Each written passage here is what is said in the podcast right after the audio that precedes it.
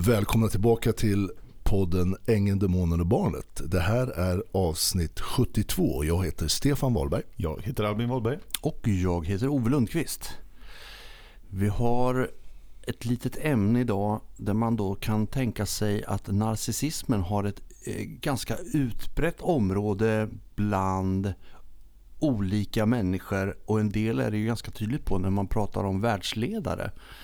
Uh, och när man börjar kika in på det här då så ser man ju att det finns narcissism och psykopati i olika grad hos de här personerna. Och uh, tyvärr så är det ju så här att så många andra blir lidande av deras beteende, det vill säga ett helt land. Och det finns väl en del att säga om det där, eller hur Stefan? Ja men alltså det har vi pratat om några gånger lite mm, utanför podden. Ja. Men, men om man tänker, vi har ju pratat tidigare om Bill Engman och hans värld. Han är ju ledare för en, en viss grupp. Men om du skalar upp det lite grann. Så, och det är ju extremt aktuellt just nu. Om vi tänker att länder då som är i konflikt. Vi tänker så här, det är en ledare här för ett land. Mm. Och så ett annat land, en ledare. För det mesta av de här ledarna medelålders eller äldre. Eh, och de, de har suttit ett tag och sådär. Och så plötsligt, plötsligt så blir de här två osams. Mm. Och någon får för sig till exempel att han ska ta någonting av det andra. Sen de blir osams. Ja, vad händer då? Då, då? då sätter de fart de här två. Och sen eftersom de leder sina länder, respektive länder, så, så har de då makt att sända ut massa soldater. Unga män för det mesta, en del kvinnor, men för det mesta män. Eh, ut och så ska de här männen då ha ihjäl varandra. Mm. Det är liksom deras order. De här männen är då plikttrogna, för det är något fint. Det har vi bestämt att man ska vara plikttrogen, man ska tjäna sitt land. Man kan ju titta på hur, hur de är i USA, hur de hyllar de här soldaterna. Eh, och det är väl fint mm. på ett sätt, men det finns ju en, en det finns om man som sagt breddar upp det så finns det ju en sida i det här. Det finns, ju, det finns en låt, vad heter den? Hero of War heter den va? Jag kommer inte ihåg vilka är det det är inte... Är det Coldplay? Är det, nej, jag det, vet inte. Ah, Okej, okay, skitsamma. Ja, Nej, men det finns en låt. Det finns ju en låt som jag vet inte om man nämnt den förut som heter 19. En gammal, mm. lite hiphop, äh, rap inspirerad äh, som är gjort. Och det, den heter 19 därför att i Vietnamkriget då var medelåldern på de amerikanska soldaterna 19 år. Ah. Eh, och de här då ska tjäna sitt land, det är något fint, familjerna är stolta när de här unga pojkarna, eh, även under 19, medelåldern var 19 till exempel i det kriget. Men det ser likadant ut nu ungefär. De här unga männen ska då ut och ha ihjäl varandra. De kanske tidigare varit ute och rest och träffat varandra på semestrar och kanske vänner. Det de vet har de ju liksom inget ogjort med varandra. Ingenting. De utan Nej, det är bara utan de två får ju gå människor. en galningsärende. Ja, mm. exakt två medelålders eller äldre män som är osams. Precis. Och det som händer det är inte bara att de skickar ut de här, alla de här unga soldaterna utan de här stora ledarna de är ju väldigt rädda om sig själva. De mm. skaffar livvakter för de blir plötsligt i krig här, då blir de ju måltavla. Så de har ju alla resurser. De har tillflyktsplatser, ja, för fan. Bunkrar, de har dubbelgångare och ja, allt möjligt. allt möjligt. Det, det, är inte som det var under eh, liksom, stamkrigsföring under mm, liksom, grott, eh, old stenåldern eller vikingatiden när ledaren för stammen han stod först Längst i truppen fram, ja. och ledde Härledare hette det. Exakt. Ja, men det, det, det har ju tagit bort. Ja, Utan det här är ju, som du var inne på först, det är extremt narcissistiskt. De ställer sig längst bak. Ja, ja, absolut längst bak. Det här Exakt. får ni lösa åt mig. Alla Bill Engman. Det är precis så man ja. gör. Det, är liksom en, det finns ju en, en råmodell, blueprint för det här. Ja. Och de skaffar livvakter, de skaffar olika gömställen. De ser till att sina fruar, sina barn, sina älskarinnor, alla i säkerhet. Och olika, skickar ut dem på olika så här, hemliga ställen. Kolla nu, jag behöver inte ens nämna namnet på de som de ligger i konflikt De ser till att de har tagit till sig all ekonomi och alltihopa. Mm. De har mycket pengar för det mm. har de sett till att fuska till mm. sig också. Och automatiskt eftersom de är ledare för länder så har de ju bra liksom, resurser. De har ju alla resurser som finns. Mm. Eh, och då de här skickar de ut de här unga människorna som har ihjäl varandra på löpande band. Och det bekommer de inte ett dugg. Nej. Och då tänker jag de här, de här unga männen som det för det mesta är, och en del kvinnor, men de här unga soldaterna som har ihjäl varandra de är ju utsända precis på samma sätt från varsin galen ledare mm. som inte kan hålla sams. Mm. Som inte förstår att vi pratar istället och försöker lösa vem som äger det här landet. Det kanske inte är liksom värt att, och, och massa liv. De vill ju inte offra livet, ledarna. Nej, nej, nej, nej, nej glöm det. Mm. Under inga omständigheter. Men de har inga problem att sända ut våra söner och våra brorsor och allt vad det är, papper mm. i krig som ska skjuta ihjäl varandra så det bara splattar och blodet sprutar. Mm. Det har de inga som helst problem med. De, de får ju tvärtom folket att tro att det är för deras egen säkerhet säkerhet som de ja. skickar ut sina söner och makar till, eh, till slagfälten. Det, det är för landets säkerhets skull. För att alla ska överleva så måste några dö. Och då, så Utom deras på, anhöriga. ja. Ja, nej, de, Precis, nej, nej, nej. De, de, de får man inte röra. Nej, så nej. händer det, oj, oj, oj, om det händer någon då, anhörig, då, då är det fruktansvärt. Men mm. de har inga problem att se alla de här unga människorna slakta varandra. Och det som händer, de här två, tänk dig på varsin sida står det unga människor och skjuter ihjäl den andra. Mm. Alltså de, de har ju precis samma situation. Mm. De är unga människor som är precis i början av sitt liv, mm.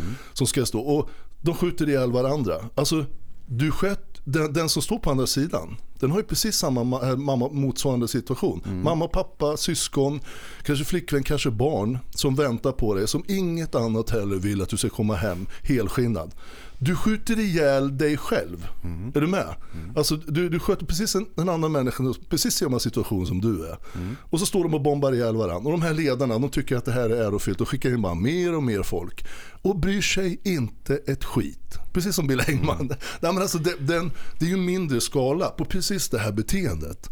Och vilket stör mig att ingen liksom all den här andan att vara en, en duktig soldat och tjäna sitt land. Mm. Vad fan är det för ärofyllt med det? Att gå ut och bli ihjälskjuten eller kanske i vissa fall ännu värre skjuta ihjäl massa andra. Och sen ska du leva med det där. För att någon jävla tokig ledare inte kan sköta landet bättre än att det ska sätta landet i konflikt. Mm. Och det man inte pratar om det är att de här de stackars människorna som kommer tillbaka från de här krigshärjade områdena de har ju men för livet. De blir aldrig mm. normala mm. människor igen. Jag var, igår så var jag hemma hos en kompis som eh, gjorde åtta månaders tjänstgöring som FN-soldat. Eh, och där hade de var skyddsbevarande styrkor och fredsbevarande. Men de hade en familj som de skulle liksom skydda. Och han sa det, det var väl i princip åtta månaders semester. Det var, hände inte så speciellt mycket som tur var. Men, det här var i Libanon. Men eh, en natt så var han och en kompis, eller en ja, kollega. kollega där. De var ute på natten och kissa. Det var bara det att de blev beskjutna. Enda gången. Och vad gör de två? Jo, de tar och tummer fyra magasin ut i tomma intet. De har ingen aning om de sköt någon eller inte. Men det här, bara det, ovetskapen om hur mm. många han träffade, om han träffade, blev det skadade, döda. Han vet ingenting. Har följt honom i hela hans vuxna liv. Han är idag 55 år och det här hände när han var i 20-årsåldern. Och han har fått dragit med en sån här grej hela livet. Mm. Det är en ynka incident som egentligen kanske inte var någonting att hänga i granen, kan man tycka. Men tänk de stackarna som har stått och skjutit människa på människa på människa. Mm. För vem skull då? Jo, då går man ärende åt en tokstolle.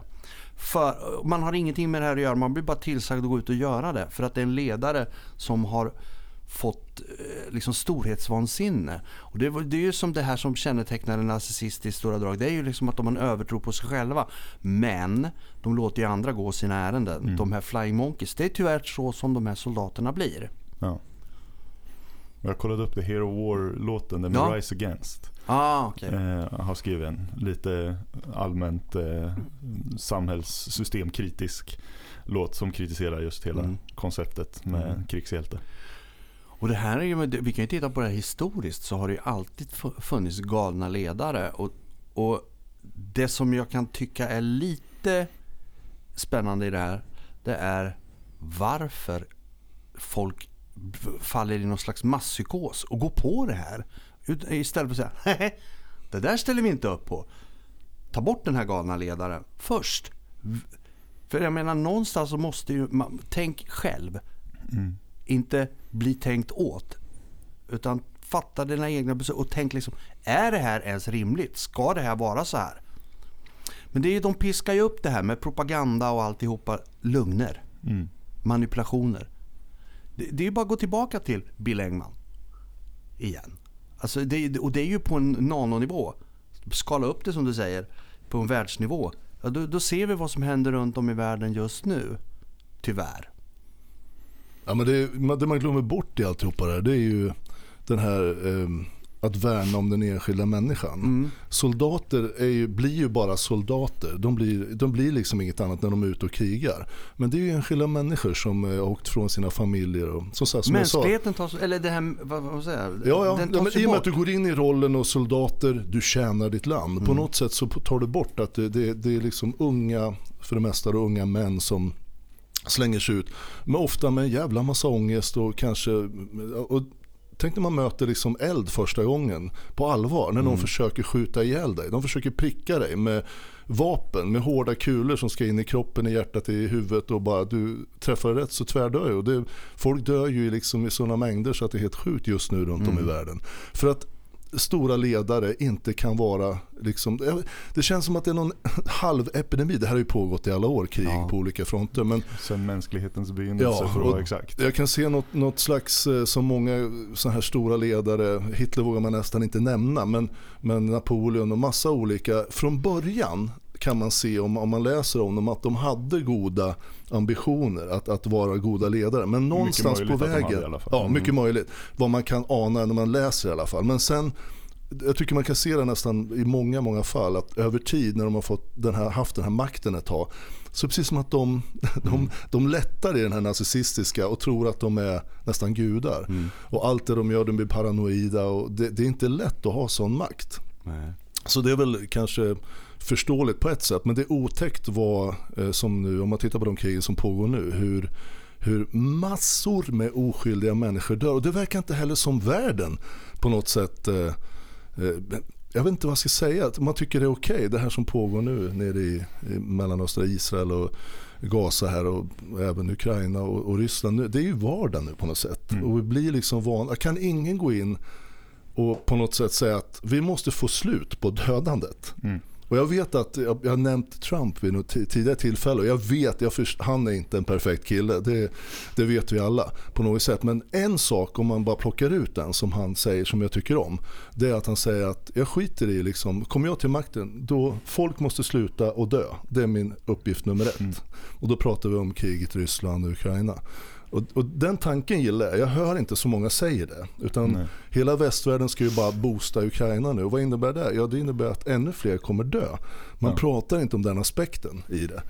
Sen kan man diskutera vad Ryssland gör och sådär. Men, men folk måste sluta dö. Man måste se de här soldaterna som, det är våra söner och våra brorsor och allting som är ute där och blir dödade. De tas bort för alltid från jorden. Liksom. Mm. Och jag, på något sätt om man, om man, vad är det här handlar om? De är ju inte osams. Men de här som krigar mot varann, Ukraina och Ryssland, nästan ingen av dem är osams med den andra som de ska skjuta ihjäl. Nej. Det är ju deras ledare som har beordrat dem att stå där ute och peppra ihjäl någon. Det, det är något jävligt osunt i det bara. Jag tänkte när vi pratar om det här nu så kommer jag vara tvungen att kolla hur, så jag får det rätt och precis. Det var ju det här eh, berömda Astrid Lindgren citatet som de inte vet om hon har sagt, men eh, de, det mm. kommer i alla fall därifrån. Det är det här, när människor med makt slutar lyssna på folk, då är det dags att byta ut dem. Mm, och det här blir den rätta vägen att gå i sådana fall, att man byter ut ledarna, än att offra mänskligheten. Ja. För, för det är ju inte riktigt helt rätt. Nej, för det blir det som är alternativet. Antingen så lyssnar man på folket eller så lyssnar antingen lyssnar ledarna på folket eller så lyssnar de på sina egna tankar och blir då nästan per definition narcissister eller agerar som narcissister. Mm. Mina tankar och mina idéer de är mycket, mycket bättre än vad alla andra kollektivt här kan mm. få fram. Vad demokrat, de, de, demokratiska valen, folkomröstningar, vad den allmänna viljan säger. Nej, nej, det är inte lika bra som mina idéer. Mina idéer är mycket bättre jag vet minsann hur det här ska lösas. Mm. För jag är bättre och jag vet hur jag ska komma ur det här. Mm. Bättre än alla andra. Och en bra fungerande demokrati, då, då kan man ju byta ut ledarna. Men det finns ju vissa så kallade demokratier runt om i världen där, eh, där man kan diskutera om hur, hur valen har gått till och sådär. Mm. Där ledarna ser till att ta bort konkurrenter och sådär. Och det, då blir det jävligt lurigt. Därför att de här som sitter vid makten, de här osunda människorna, de gör ju vad som helst för att sitta kvar. Mm. Men eh, jag vet inte vad ni tycker om den här.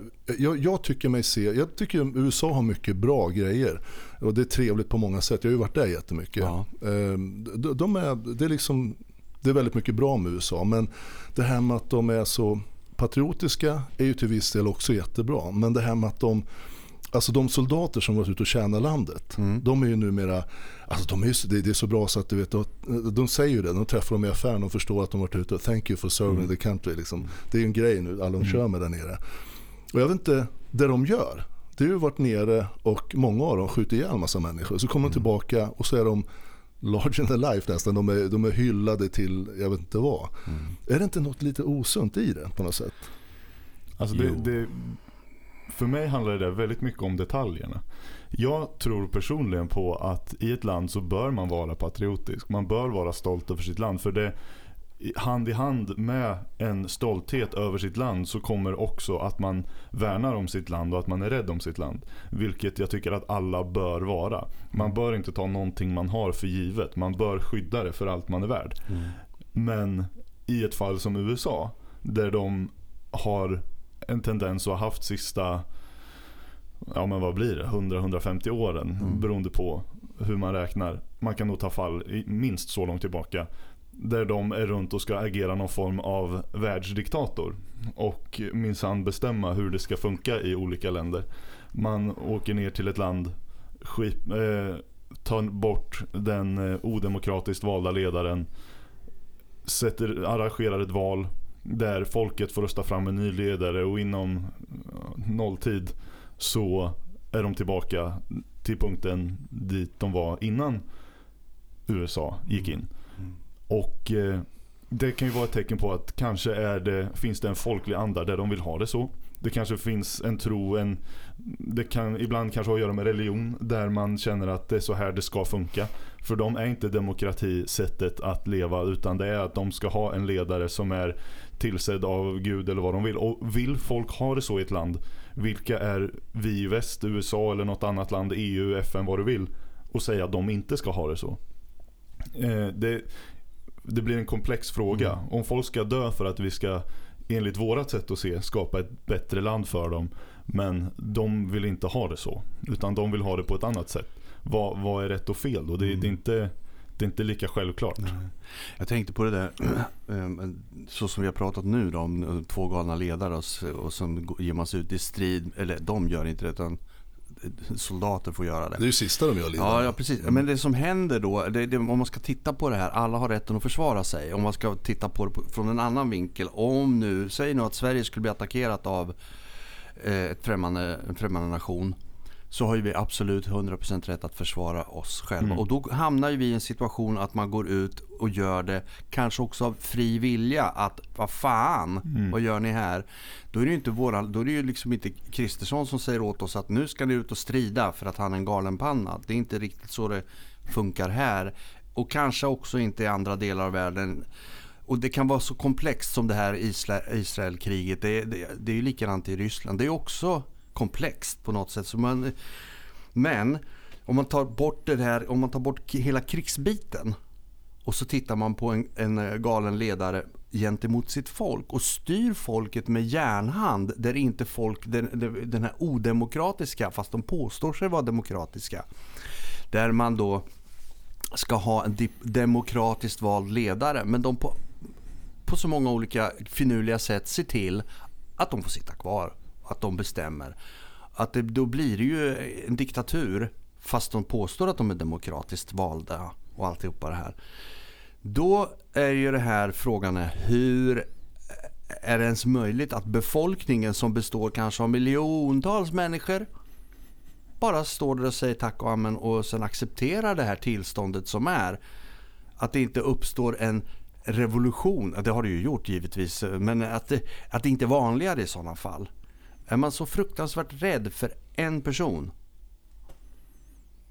Ja, men det är ju, jag menar, det vi pratar om kanske är möjligtvis Ryssland då, till exempel. Ja. Och det är han, det, de ska ju ha någon slags demokrati där, men det kan man ju diskutera. Men det som händer i alla fall, när han nu är, om han nu är demokratiskt vald, när, när han väl sitter vid makten, då använder han ju den makten och gör precis vad han vill. Han gör inte, tror jag, vad folket vill. Eller så, som sagt, hela den konflikten är komplex och den behöver vi inte gå in på, för det finns ju funderingar åt båda håll. Men du pratar om till exempel om de skulle anfalla Sverige. Det är en liten aspekt också. Det, det handlar om att försvara sitt land. Man blir attackerad av någon mm. som bestämmer sig för att ta oss.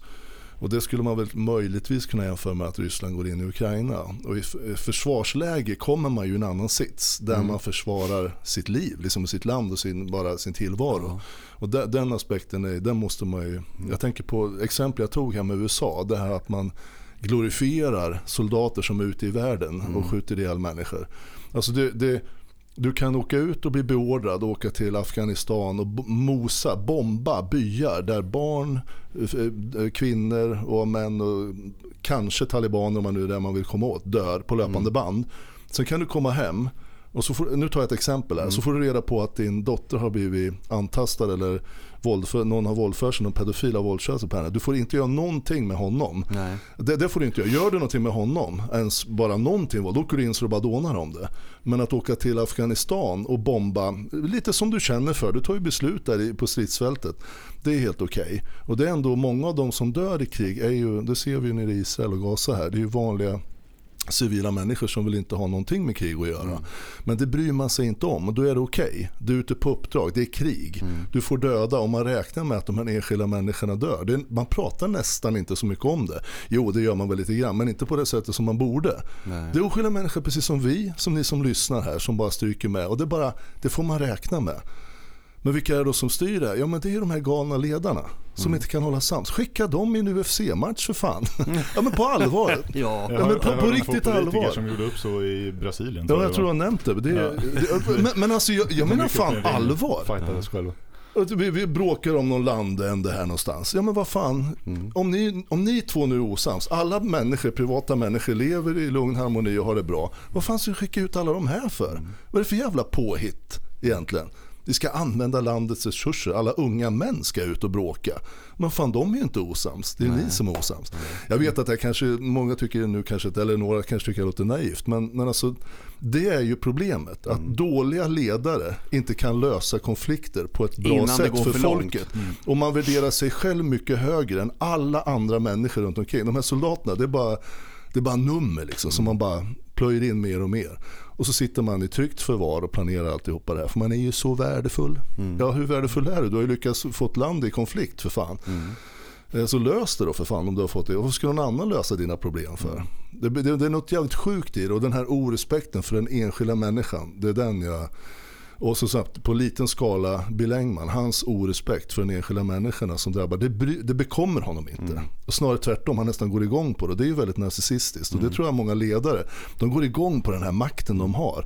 Att kunna skicka ut tusentals trupper runt om i världen. Mm. Och sen om de vinner eller inte, det är inte det viktiga. Men hela det här spelet. Liksom. Mm. Det är som Bill sa någon gång till mig, livet är ett spel Stefan. Mm. Det är ju bara ett spel. Jaha, är det bara ett spel? Okej, okay. Noter, noterat. När vi en, eh, får jag bara lägga in en parentes? Mm.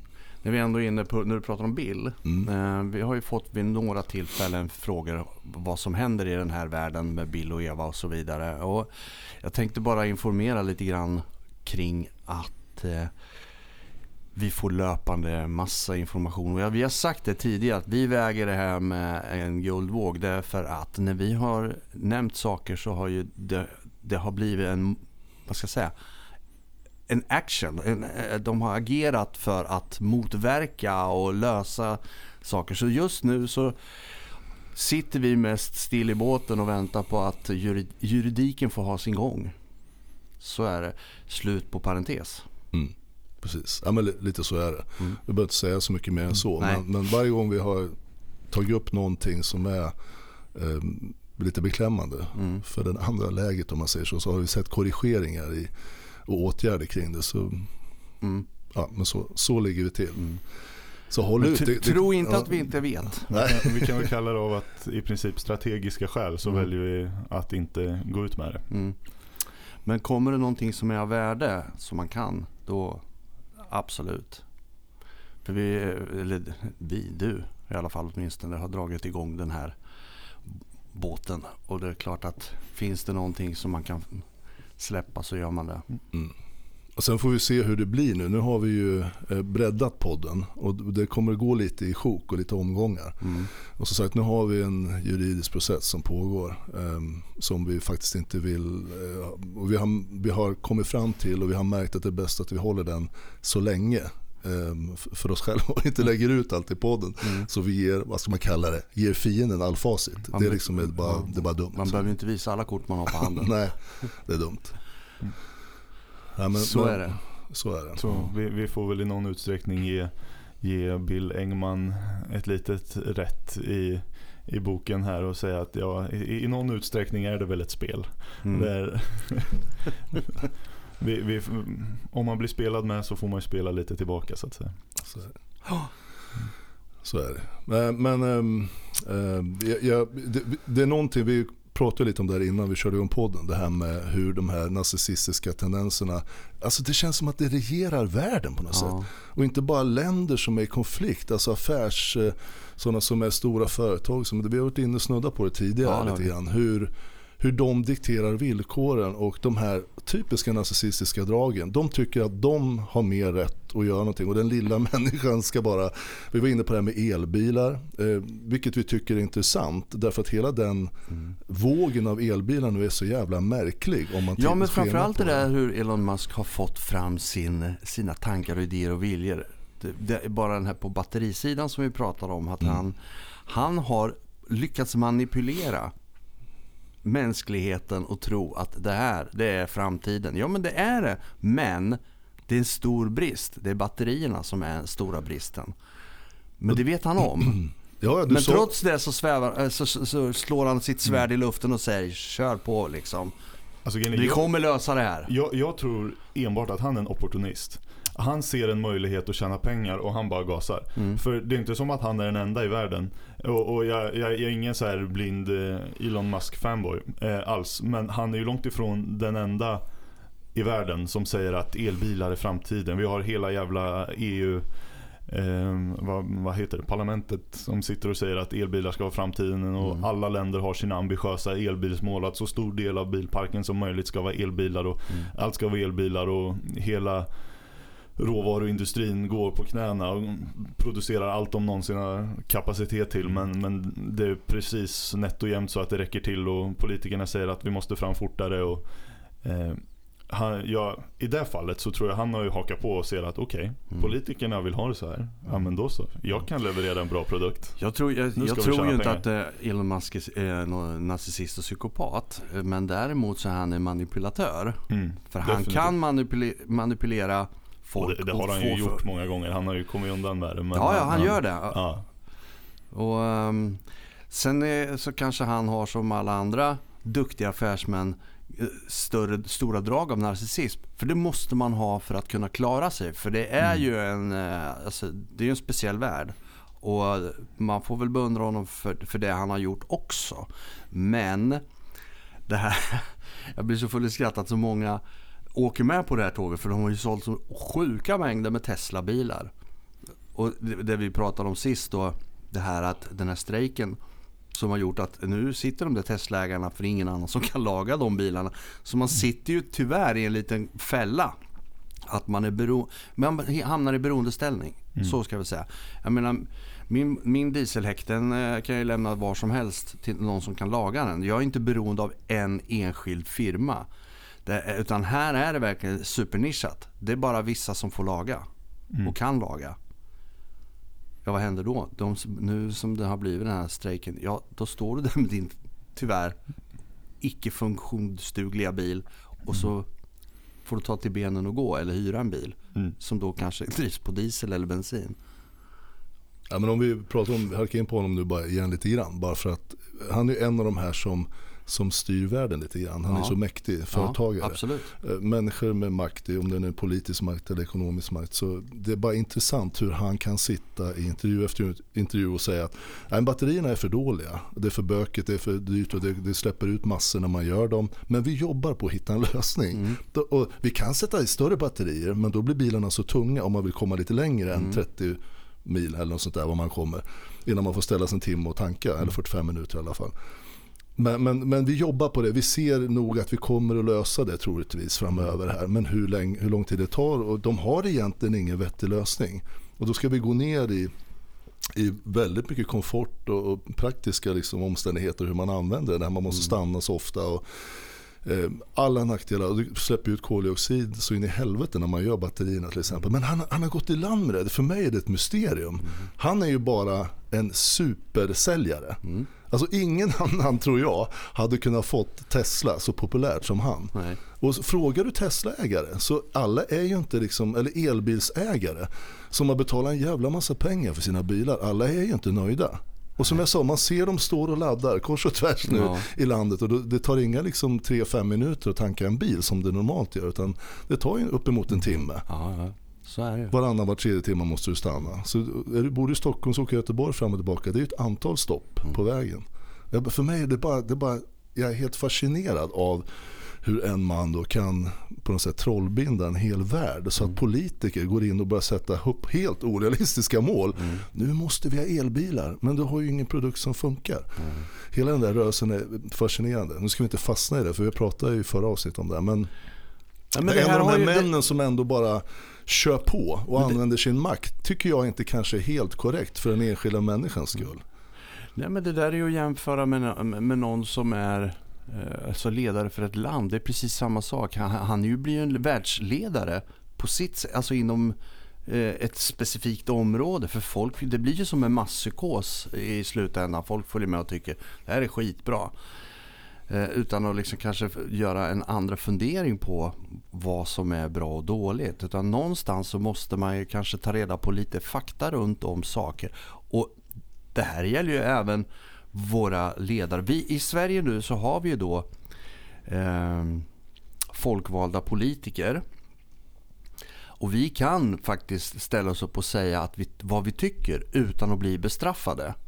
För i vissa länder så kan du inte ens öppna käften och säga vad du tycker om din, din politiskt valda, demokratiskt valda ledare. Att du tycker att det här är dåligt. Då är ju du förrädare och så hamnar du antingen hamnar du i fängelse eller också blir avrättad i värsta fall. Och vad är det för grej? Mm. Alltså, vi kanske har det för bra i Sverige. Och Det är därför vi sitter och pratar om det här nu och kan reagera över vad som händer i vissa länder där det är en diktatur som är vidrig och har funnits länge. Och Det vill inte säga att världen ska gå in och...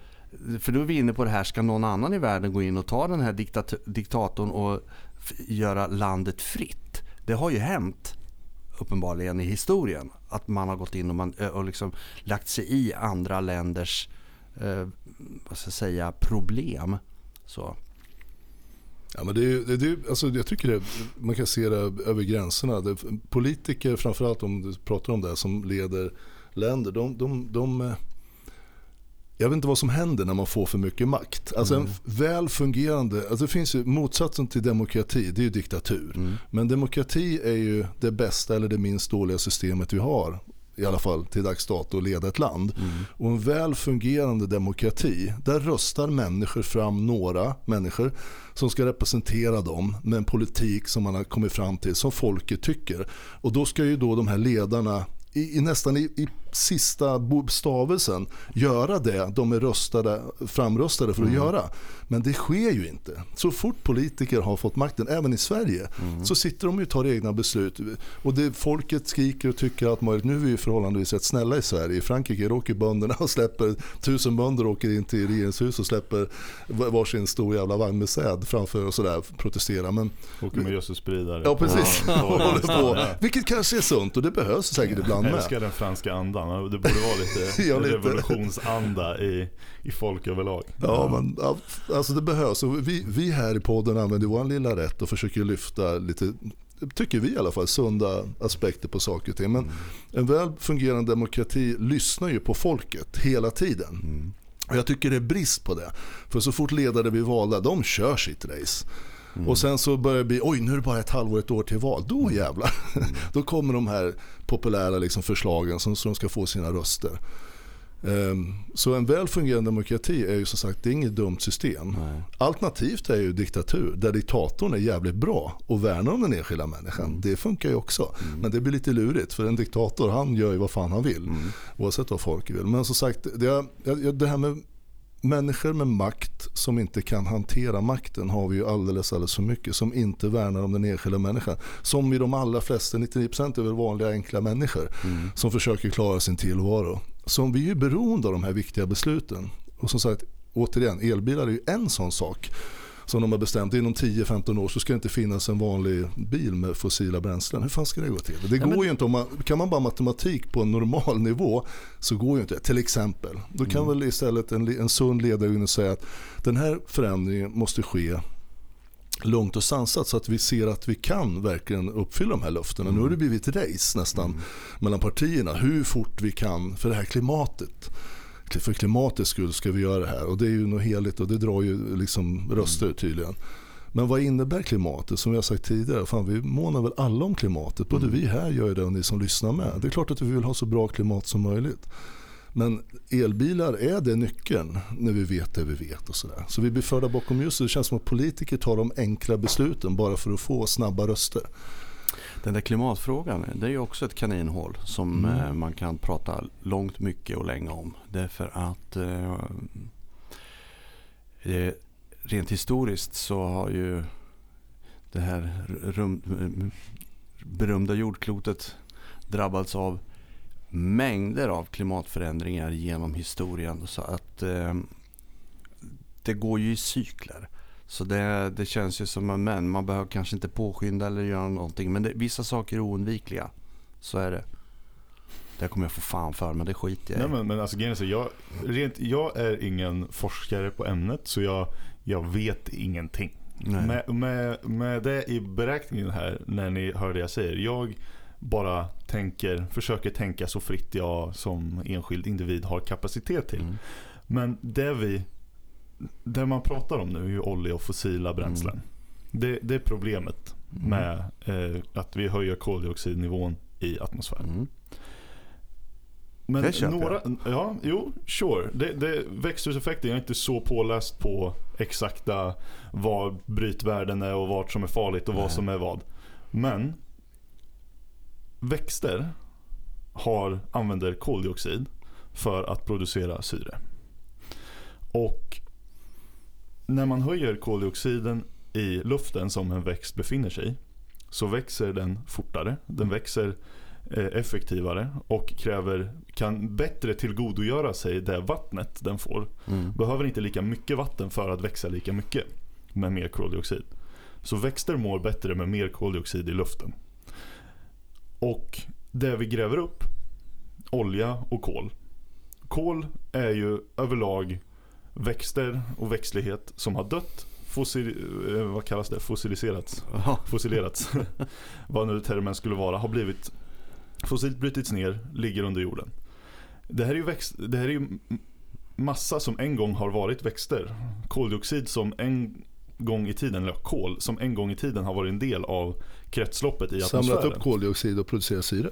Exakt, det, det, för det är ju kolet, man gräver ju upp olika kolkällor. Det är kol, mm kolbindningar, kolhaltiga molekyler som vi gräver upp, förbränner och skapar då energi och släpper ut koldioxid.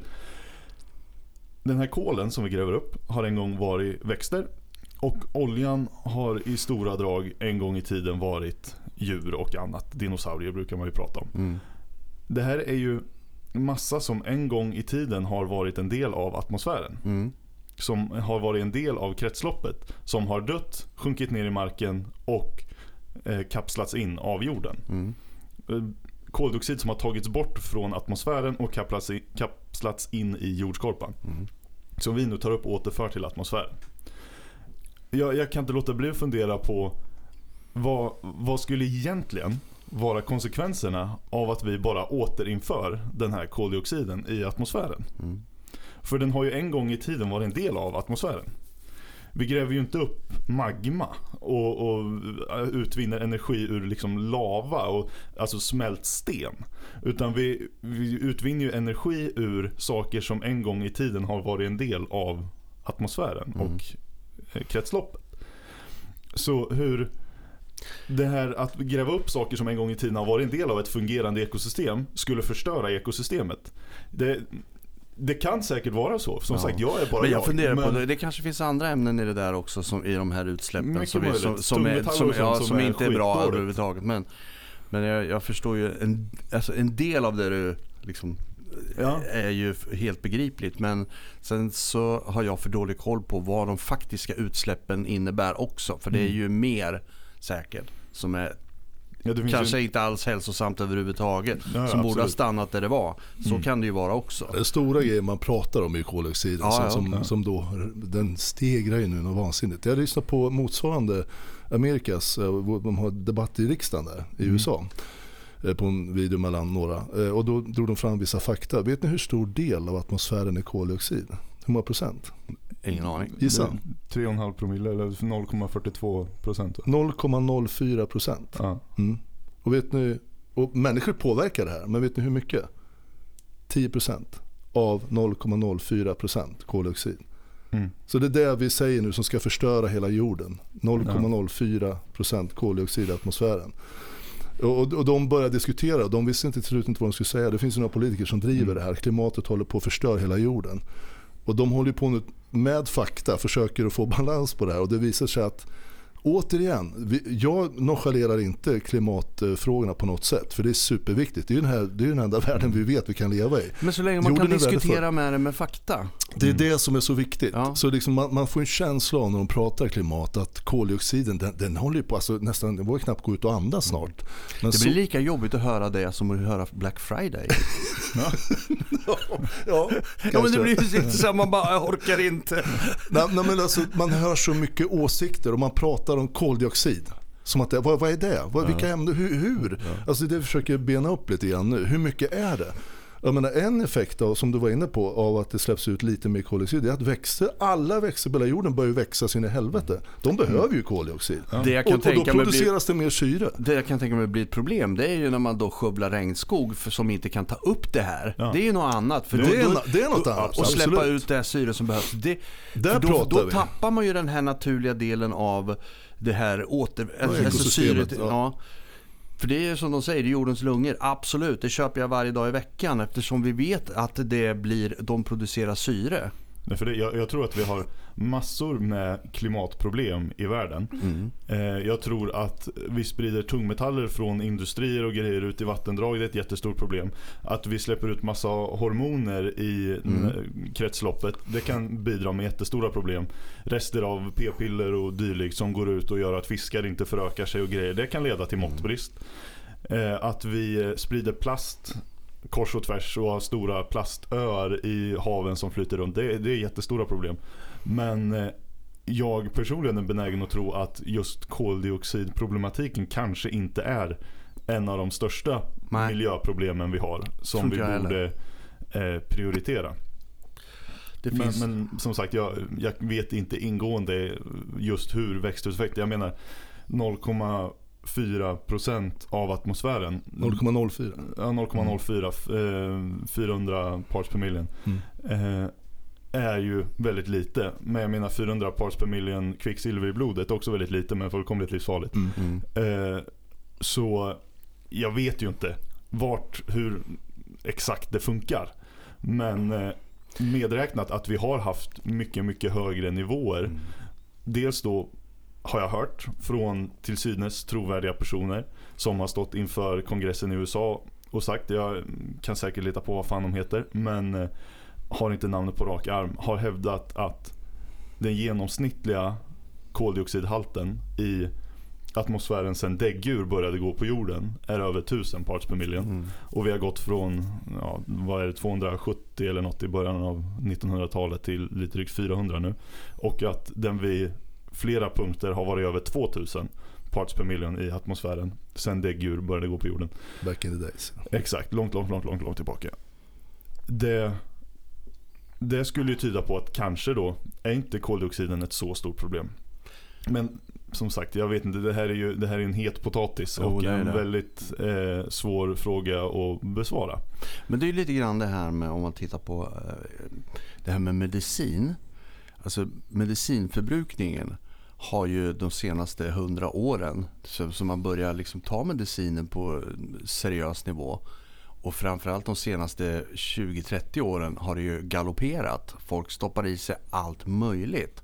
Vad kissar man ut då i mm. avloppen? Jo, det kan man ju undra. För det går ju ut i, i vattnet så det, det blir ju liksom en föroreningar i vattnet utav de här restprodukterna som går ut.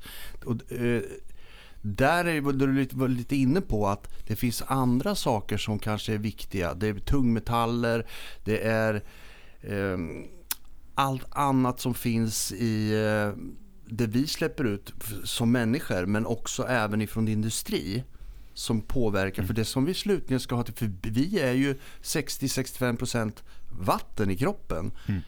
Vi måste ju dricka vatten och få i oss det för att överleva. Vad får vi just då, då? Om det har varit filtrerat allihopa, någonstans så finns det en gräns för hur mycket man kan filtrera bort. Det blir ju att vi får tillbaka det i kroppen. Ska man trippelfiltrera vatten innan man dricker det? Alltså vi kommer ju någonstans komma till en sån nivå. Ja, vi måste ju vara rädda om, om eh, ekosystemet definitivt. Ja. Och det, det, känns som att det kan ju vara lite viktigare del i klimatfrågan. Mm. Där koldioxidfrågan kanske är en lite mindre fråga. Den är ju inte obetydlig men den är ju mindre. Nej, definitivt. Ja. Men sen är det ju så här, då kan vi gå tillbaka till det här med, med ledare och de här ivrigt påhejande manipulatörer som alltså man ljuger om fakta. Man eh, eh, försöker få lögner att bli sanningar genom att sprida det så mycket det går. Där är ett beteende som faktiskt är precis samma sak som en narcissist när de ska då de etablerar lögner för sanningar och när det har upprepats och sagts tillräckligt många gånger då blir det sant. Sen kommer den här lilla gruppen som säger men vänta nu. Vi har gjort lite mätningar här och det visar det här. Och eftersom den här gruppen har fått med sig så många anhängare mm så blir de så här, de äter upp den här lilla gruppen som faktiskt kommer med en verifierad sanning. Men den blir inte verifierad för den här stora gruppen för de har redan åkt på det här tåget med de här lugnerna som faktiskt finns. Exakt. Och en grej just på det här temat som eh, fick mig här, jag, jag, vet inte när jag började försöka göra min egen, skapa min egen uppfattning om miljöfrågan. Mm. Eh, men en grej som fick min, eh, den här, vänta nu här, radarn att eh, ge utslag. Det är när jag började höra termen att, att det finns ett konsensus i miljö, eh, inom miljöforskningen. Mm. Alla forskare inom miljöfältet är överens.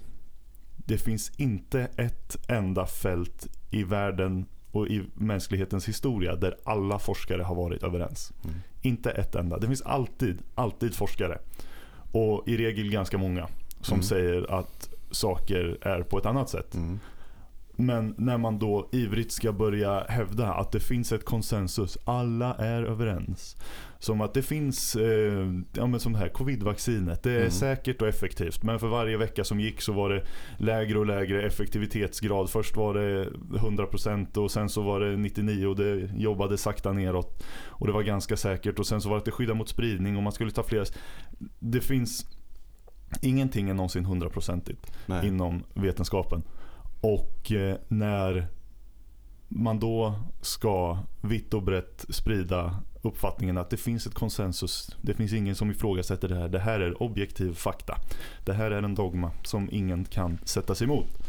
Så eh, bör man börja höja på ögonbrynen och säga, men vänta, stämmer det verkligen? Mm. Finns det ingen som har något annat att säga här? Är det här så säkert?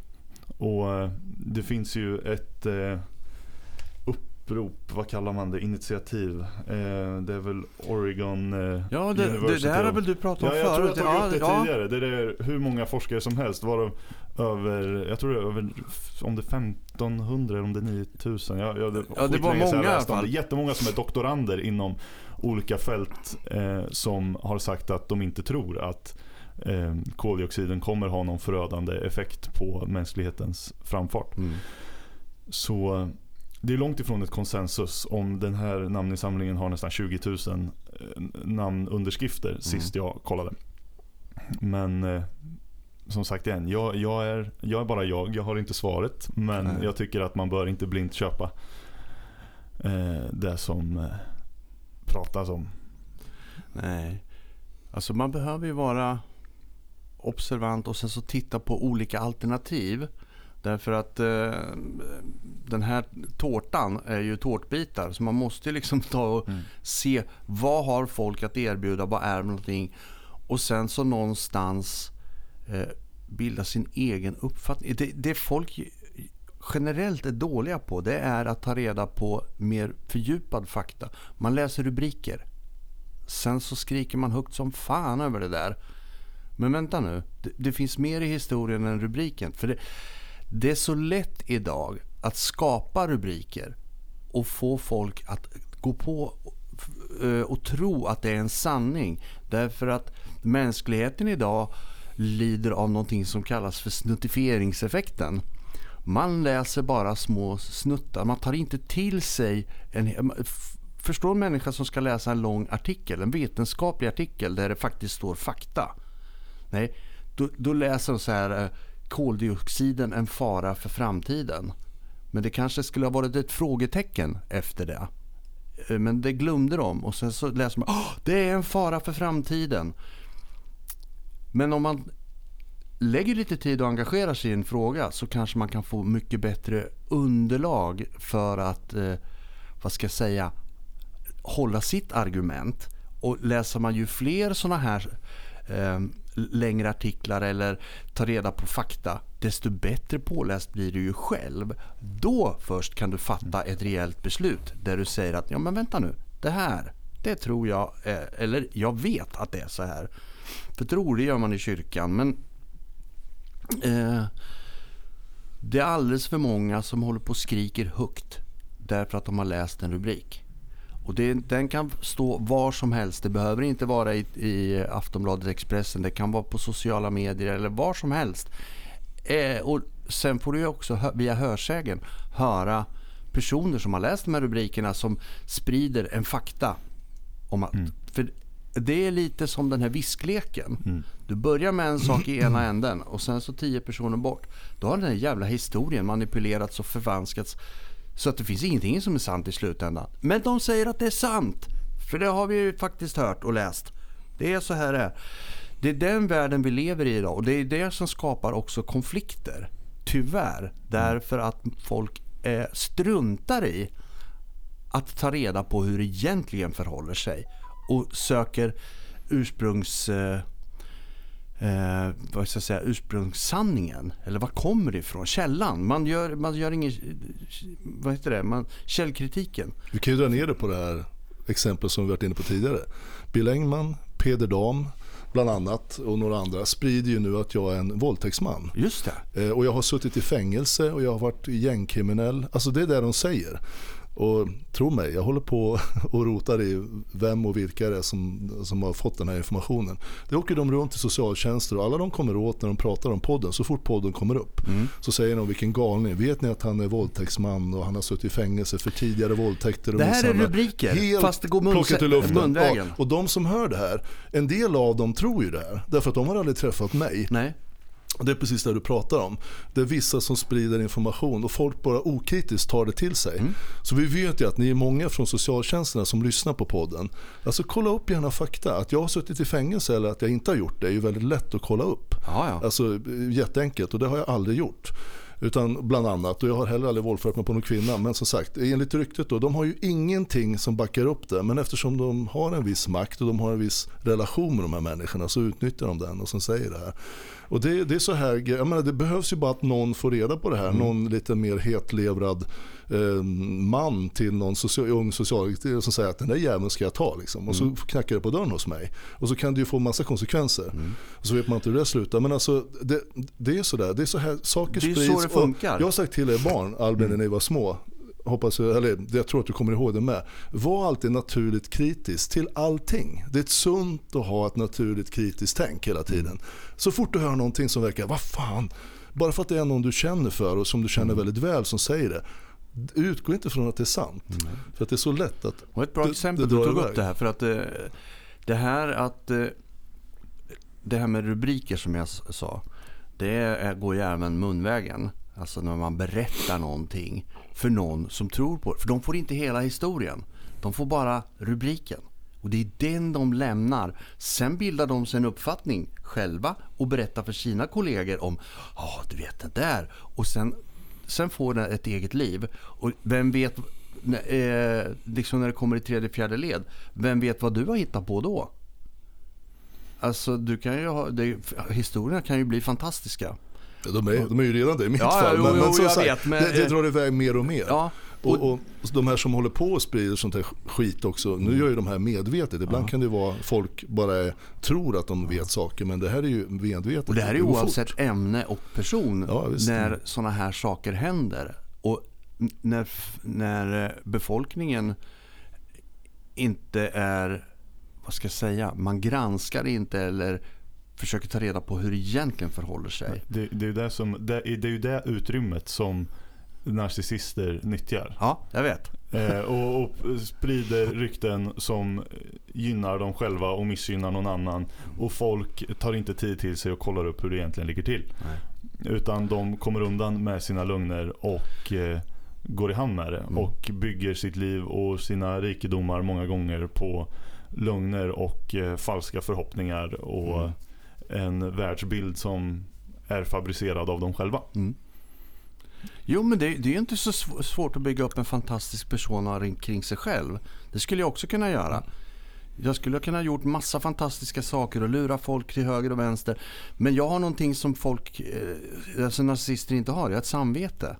Mm. Jag tycker liksom, nej men det, det kan man inte göra. Jag är alldeles för ärlig mot mig själv och en ärlig person så att jag kan inte sitta och ljuga en människa rakt upp i ansiktet. Och veta om att jag gör det. Nej. Bara för att det ska gynna mig själv. Och det här är ju oavsett vad det gäller. Jag skulle kunna Alltså, bara det här att till exempel om jag har en bil och ska sälja den. Jag skulle kunna sälja in den på det mest fantastiska sätt och sen skita i att det kommer konsekvenser för köparen tre veckor senare när de upptäcker alla fel och brister. Och så säger jag, ja men garantin, det var runt hörnet garanti. Mm. Liksom, det, det, funkar liksom inte så. Det, där är, det finns ju stora och små människor som är de här nazisterna. Om man tar nu bild till exempel. Jag menar, kolla på Daniel Elkvist. Mm. Han är polis. Mm. Och jag, jag, tror så här, om man ska bli lite existentiell. Jag tror att det här finns i alla människor på någon nivå. Mm. Att man har man står ibland inför vägskäl. Jag tror att farfar som sa det, men min pappa då, Torbjörn som sa någon gång att du står inför vägskäl ibland. Och när du har valt det så, kan, så kommer du, just till det vägskälet kommer du inte tillbaka. Nej. Jag tror att som Daniel till exempel nu, Elkvist, polis i Hallsberg. Han stod inför ett vägskäl när Eva bad honom om hjälp och ljuga om mig. Eh, att jag inte äger någonting. Han stod inför ett vägskäl där. Och när han tog valet att han började ljuga om det i förhör. Det står skrivet nu att jag inte äger någonting och han så. Jag har våldfört mig på hans sambo som han inte har en aning om såklart. Det, även fast jag hade det, gjort det så det hade jag ingen aning om det. Utan, det är en persons ord. Ja, mm. som har fått honom att gå in ja. och liksom tagit det här. Och när han har gjort det här valet så finns det ingen väg tillbaka. Hur fan skulle det se ut? Säga till sina kollegor, jag eh, jag, gjorde lite dumt här, jag sa fel. Va? Har du suttit och ljugit i rätten och begått mened? Det finns inte. Nej, nej, det han har redan gått för långt han på den vägen. Han kommer aldrig, utan han får för alltid leva med det här på sitt samvete. Så kommer alltid att, att bråka med honom. Tro mig, för det gör det. Det är så han känner själv i alla fall. Ja. I praktiken så skulle han ju kunna gå ut och säga att nej, jag litar på någon jag inte borde ha litat på. Och det skulle ju väldigt snabbt Förändra hela alltihop. Och han skulle bli fan en hjälte för många. Fan ja. vad starkt att du kan gå ut och säga det. Mm. Men det kommer han inte att göra. Nej, Alltså, statistiskt sett så gör man inte det. För man tar de här valen. Och sen rullar det här på. Och då hans kollegor börjar ju tro att jag också har varit så här dum. Och jag har hållit på med massa skit och vi har pratat skit i podden och allt möjligt. För han lobbar ju det här och alla de runt omkring honom. Och det här blir ju som, mm. det sprider sig. Men, men som sagt de här narcissistiska tendenserna tror jag finns i alla. Han skulle kunna ta ett annat val och sagt mm. att nej, men jag, kan inte, jag kan inte säga annat än, än det som är. Nej. Då, då hade han tagit in, och då är den vägen inslagen liksom. Men man får en chans ibland. Ibland är det viktiga jävla ställningstaganden man får tänka till. Men de här ledarna, de har ju vid någon tidpunkt eh, köpslagit med sin själ som, som insats på något sätt. Och, och, där har de, med, ja. och gjort det man absolut inte får. Mm. Och sen har de för mycket vinning av den positionen de har fått tack vare det här valet. Men som Bill Engman till exempel och massa stora ledare. Eh, som, eh, som har gjort det. Och sen finns det ingen väg tillbaka utan de kan bara köra på. Jag menar, titta på fan, Putin till exempel. Känner honom inte, jag vet inte allt runt omkring honom. Men han har väl som det verkar tagit en hel del dåliga eh, beslut. Och vad fan ska han göra nu? Och ta det... tillbaka och säga och bli liksom schysst plötsligt. Alltså man får ju se på sig själv. Jag har ju stått i vägskäl i mitt liv. Där jag har nu handlar det inte om sådana här val, men jag har fått gjort andra val i livet.